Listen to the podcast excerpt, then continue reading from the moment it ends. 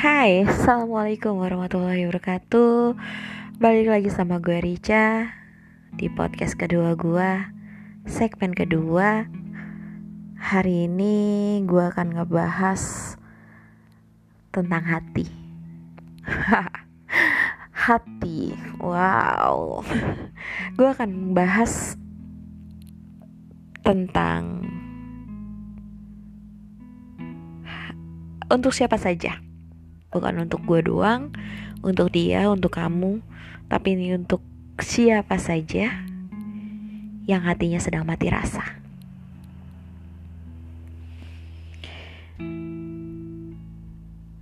Mungkin kita semua di sini pernah terluka. Ya.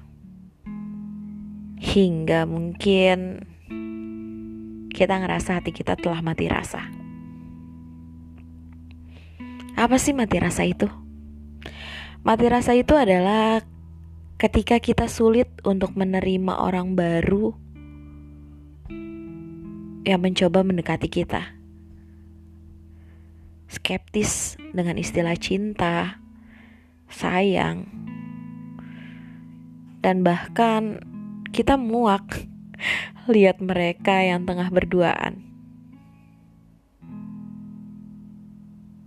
Luka yang dia tinggalkan mungkin begitu membekas di hati kita. Sampai-sampai kita berpikir kalau semua orang itu sama aja dengannya. Pernah gak sih kalian ngalamin itu? Tapi tahu gak sih? Selama ada alasan untuk kita kembali percaya pada cinta, masih ada alasan untuk kembali menata hati yang mungkin memang sudah terlanjur berantakan.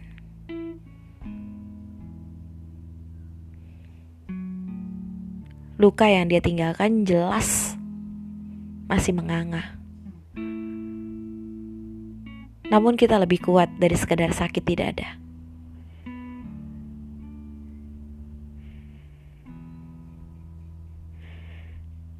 Dia yang mendua dan meninggalkan kita tanpa alasan. Di saat cinta kita padanya tengah muncah dan hangat-hangatnya. Hati kita seketika hancur. Sangat berantakan. Detik itu kita memutuskan untuk tidak lagi percaya pada cinta. Tapi sadarkah kita bahwa luka sebenarnya yang menguatkan kita? Luka mengajarkan kita artinya menerima, menerima bahwa terkadang Tuhan punya rencana lain untuk kita. Mungkin ini cara Tuhan memisahkan kita dengan Dia yang tidak ditakdirkan untuk kita ya pada akhirnya patah. Ya, patah hati menjadikan kita pribadi yang lebih tegar. Hanya saja kita mungkin belum menyadarinya.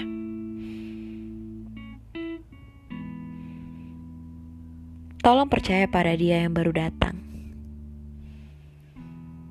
Dia tidak menawarkan banyak hal,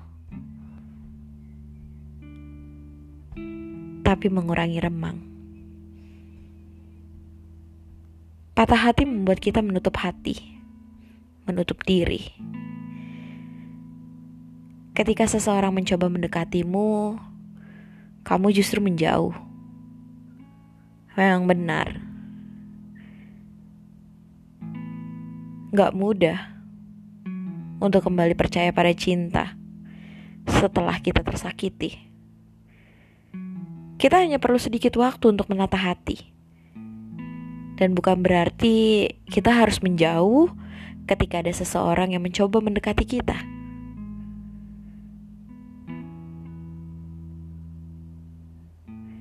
Berilah dia seseorang yang baru kesempatan untuk mengisi ruang di hati kita.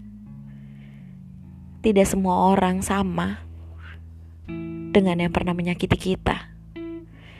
Kalau menjalin hubungan dengan seseorang yang baru dirasa terlalu berat buat kita, setidaknya kita bisa berteman dengannya. Karena mengingat luka, memang hanya akan membuat kita tersiksa.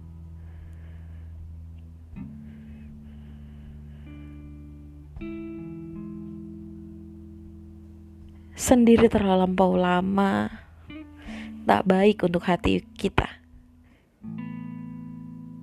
Hati juga layak dibuka. Hati juga kembali belajar dan layak untuk kembali mempelajari dan percaya.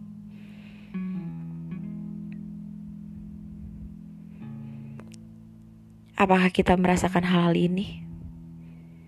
Pernah gak sih? Kalian merasakan hal-hal seperti ini. Takut akan komitmen, selalu menolak tiap diajak jalan, dan skeptis dengan perhatian lawan jenis.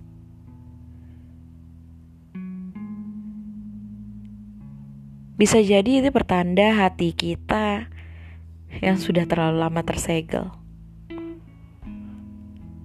Kita sengaja menutup diri karena khawatir terluka lagi.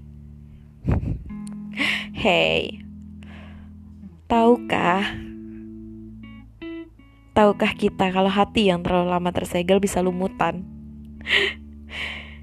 Ini juga yang bikin kamu jadi skeptis. Cobalah untuk membuka diri.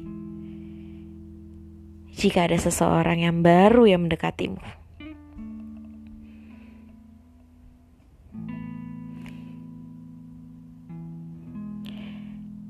Seberapa kesendirian memang melenakan.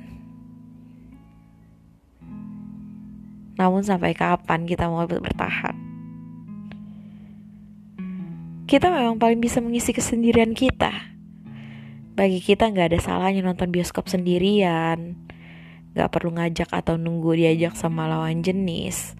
Bahkan jalan-jalan sendirian pun kenikmatan sendiri buat kita. Karena kita tahu karena kita jadi punya banyak waktu untuk diri sendiri. Tapi kita nggak bisa mengkiri kalau kebahagiaan kita saat ini belum lengkap. Terkadang ada kalanya kita merindukan saat-saat berbagi kasih dengan seseorang yang kita sebut pacar. Atau sekedar bercerita tentang novel yang baru kita baca atau film yang baru kita tonton Siapa yang pernah merasakan seperti itu? Ayo ngaku. Sementara beberapa kisah lebih apik jika dibagi. Ada hari-hari yang lebih hangat jika ada yang mendampingi. Kita yakin gak iri lihat pasangan yang bisa saling berbagi cerita. Yang bisa saling berbagi peluk dan menangis berdua. Oke. Kita sadar kalau hati kita nggak terbuat dari batu. Rasa iri memang sempat menghinggapi kita, tapi jika ingat kata komitmen seketika, luka lama itu terbit kembali. Menyakitkan memang. Melihat pasangan yang sedang asik berduaan justru mengingatkanmu akan dirinya. Ya, kita akan teringat dengan dia dan diri kita. Mungkin hal itu akan jadi kendala kalau kita sebenarnya belum memaafkan dia. Kembali lagi ke pasal 1. Kamu harus bisa menerima apa yang terjadi masa lalu. Dengan begitu kemarahan dengan sang mantan perlahan akan menghilang.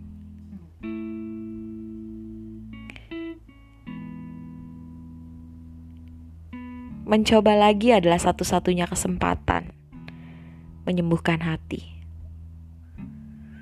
Tolong bersabarlah sebentar lagi. Salah satu cara untuk melupakan mantan adalah jatuh cinta dengan orang baru. Itu katanya.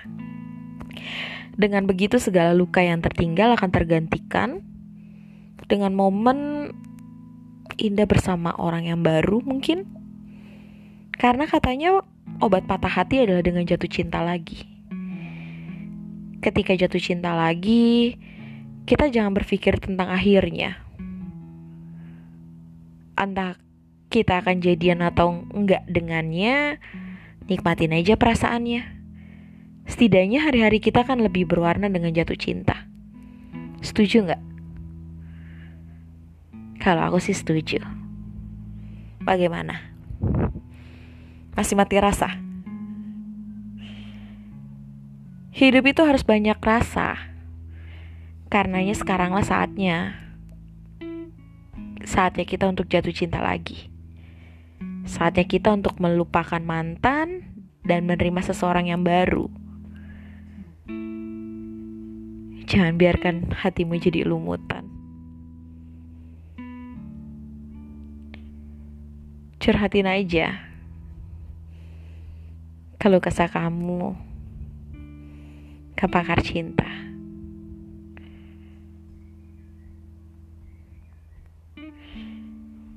Jadi,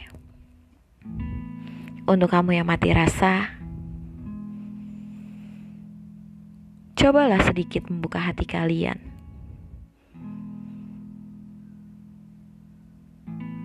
Karena balik lagi, bukan cuma warna rambut yang perlu diubah, tapi warna hidup pun perlu untuk kita ubah.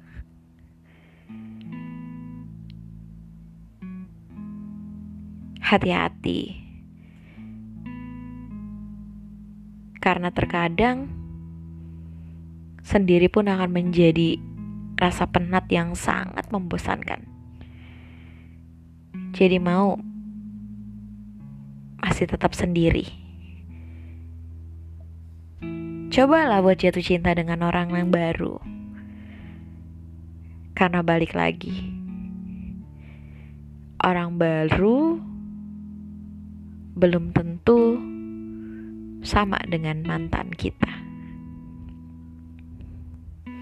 Untuk kalian yang mati rasa, untuk kalian yang memang sudah tidak punya rasa apa pun, percayalah akan ada saatnya ketika kalian juga merasa iri pada pasangan lain. Jadi, percaya pada diri kalian kalau kalian berhak jatuh cinta untuk kedua kalinya, kalau kalian berhak untuk bahagia, dan kalian juga berhak untuk menikmati rasa. Selamat malam, selamat mendengarkan, selamat beristirahat.